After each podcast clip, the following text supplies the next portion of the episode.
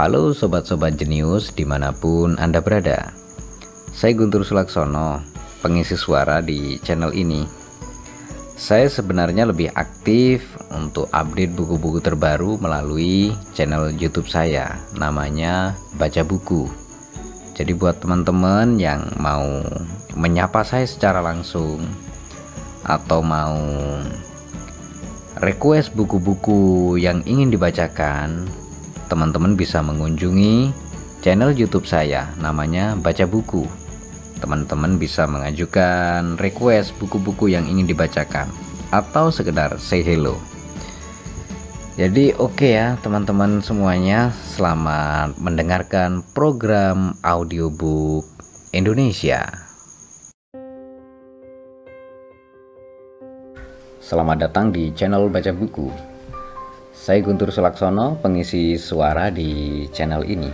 Kali ini saya akan bacakan buku dari Mark Manson dengan judul Sebuah Seni untuk Bersikap Bodoh Amat. Oke, selamat mendengarkan. Kita awali dari bab 1 bagian 1 Jangan berusaha. Charles Bukowski dulunya adalah seorang pecandu alkohol, senang main perempuan, pejudi kronis, kasar, kikir, tukang utang, dan dalam hari-hari terburuknya seorang penyair. Dia barangkali adalah manusia terakhir di muka bumi yang bakal Anda mintai nasihat tentang kehidupan atau nama terakhir yang ingin Anda lihat dalam deretan buku motivasi jenis apa pun. Justru fakta itulah yang menjadikan sosoknya sempurna untuk memulai buku ini. Bukowski bercita-cita menjadi seorang penulis, namun karyanya terus-menerus ditolak oleh hampir setiap majalah, surat kabar, jurnal, agen, dan penerbit yang pernah dihubunginya. Tulisannya sangat hancur, kata mereka, kasar, menjijikkan, tidak bermoral, dan begitu tumpukan surat penolakan bertambah lagi, beban dari kegagalan tersebut mendorongnya ke dalam sebuah depresi yang kian diperberat oleh alkohol yang terus menghantui sebagian besar hidupnya.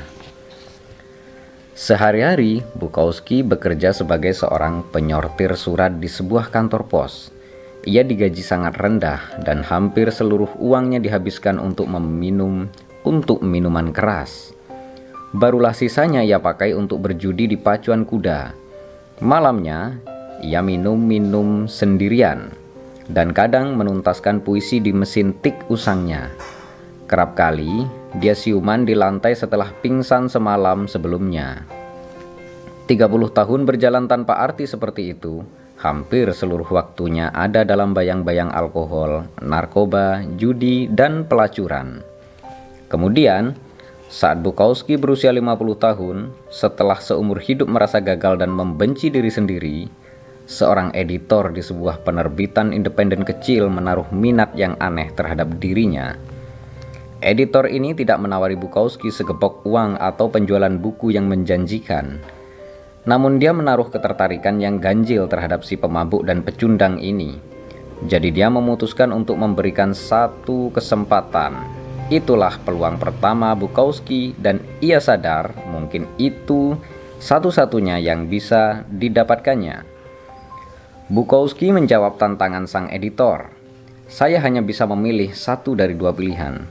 Tetap bekerja di kantor pos dan bakalan sinting atau tetap di luar sini menjadi penulis dan kelaparan. Saya lebih memilih kelaparan saja. Setelah menandatangani kontrak, Bukowski menulis novel pertamanya hanya dalam tiga minggu. Judulnya sederhana, Post Office. Di dalamnya dia menulis, didedikasikan untuk tak seorang pun. Kelak, Bukowski mencatatkan diri sebagai seorang penulis novel dan puisi yang sukses. Dia terus berkarya dan menerbitkan enam novel dan ratusan puisi, menjual lebih dari 2 juta kopi, Popularitasnya melampaui harapan setiap orang, terutama ekspektasinya sendiri. Kisah Bukowski ibarat amunisi untuk kultur cerita inspiratif di zaman kita. Kehidupan Bukowski mewakili perjalanan mimpi Amerika, seorang pria yang berjuang atas apa yang diinginkannya, pantang menyerah, dan pada akhirnya meraih mimpinya. Praktis ini seperti sebuah film. Kita semua menyaksikan cerita Bukowski dan berkata, "Apa ku bilang? Orang ini tidak pernah menyerah. Orang ini tidak pernah berhenti mencoba. Orang ini selalu percaya diri." Ia gigih melawan segala rintangan dan akhirnya sukses. Tapi semua narasi itu terdengar janggal karena di atas batu nisan Bukowski tertulis, "Jangan berusaha." Lihat, meski nyatanya bukunya laris manis dan sosoknya terkenal, Bukowski dulunya adalah seorang pecundang. Ia tahu benar itu, dan keberhasilannya bukan hasil kegigihannya untuk menjadi seorang pemenang, namun dari kenyataan bahwa ia tahu kalau dirinya seorang pecundang, menerimanya dan kemudian menulis secara jujur tentangnya. Ia tidak pernah mencoba untuk menjadi selain dirinya sendiri. Kecerdasan dalam tulisan Bukowski bukan soal memanfaatkan peluang yang luar biasa atau mengembangkan dirinya menjadi seorang sastrawan yang gemilang. Yang ada adalah kebalikannya ia hebat karena kemampuan sederhananya untuk jujur pada diri sendiri sepenuhnya dan setulusnya, terutama mengakui hal-hal paling buruk yang ada pada dirinya, sekalipun dan untuk membagikan perasaannya tanpa segan atau ragu. Ini adalah cerita di balik kesuksesan Bukowski yang sesungguhnya. Dia nyaman dengan cerminan dirinya yang dianggap sebagai sebuah kegagalan Bukowski sama sekali masa bodoh dengan kesuksesan. Bahkan setelah dia menjadi terkenal, dia masih muncul dalam pembacaan puisi, mendamprat dan mencibir audiensnya dengan kasar.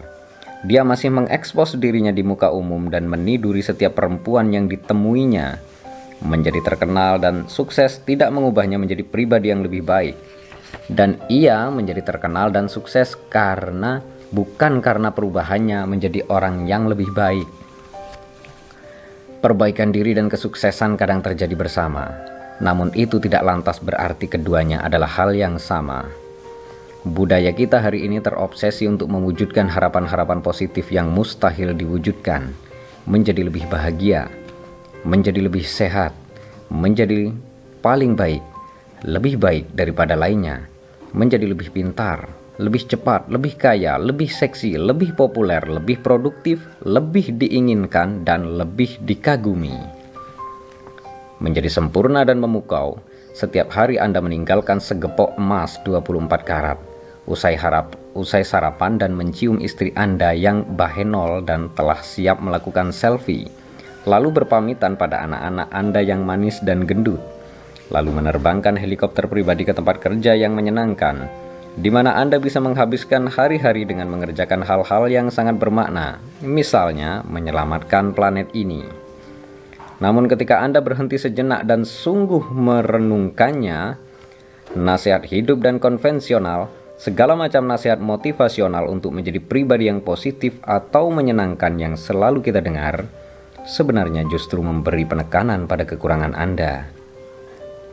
Nasihat itu langsung menyoroti apa yang Anda anggap sebagai kekurangan dan kegagalan pribadi Anda. Kemudian menggarisbawahi hal tersebut untuk Anda. Anda mempelajari cara terbaik untuk mendapatkan uang karena Anda sudah merasa tidak punya uang, tidak punya cukup uang. Anda berdiri di depan cermin dan terus mengafirmasi kalau Anda cantik karena Anda sudah merasa tidak cantik. Anda mengikuti tips berkencan dan menjalin hubungan karena Anda merasa memang Anda tidak layak dicintai.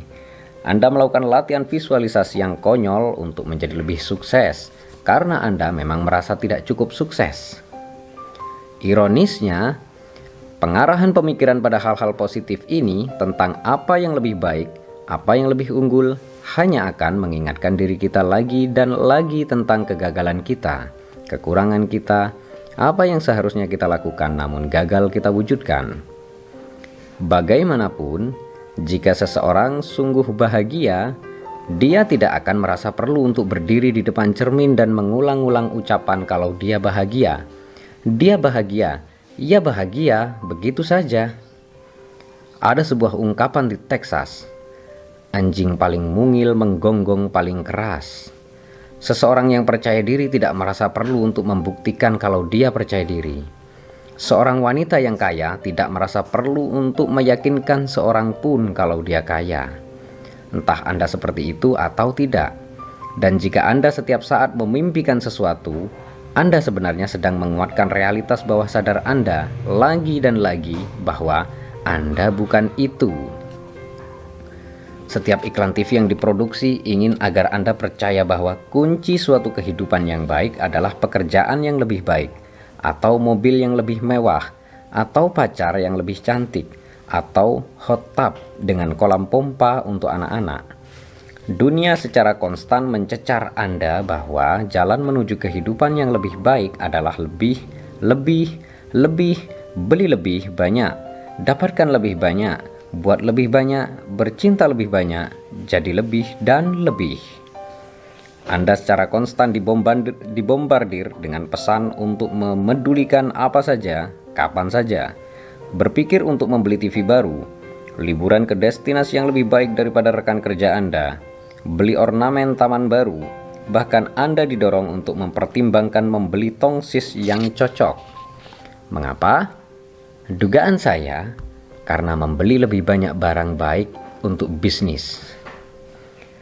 Dan walau memang tidak ada yang salah dari sisi bisnis, masalahnya justru memedulikan terlalu banyak hal akan berakibat buruk untuk kesehatan mental Anda.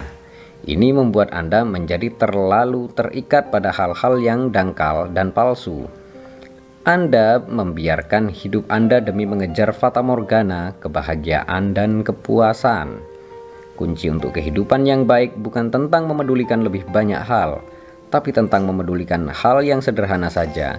Hanya peduli tentang apa yang benar dan mendesak dan penting. Terima kasih dan bersambung ke bab 1 bagian 2.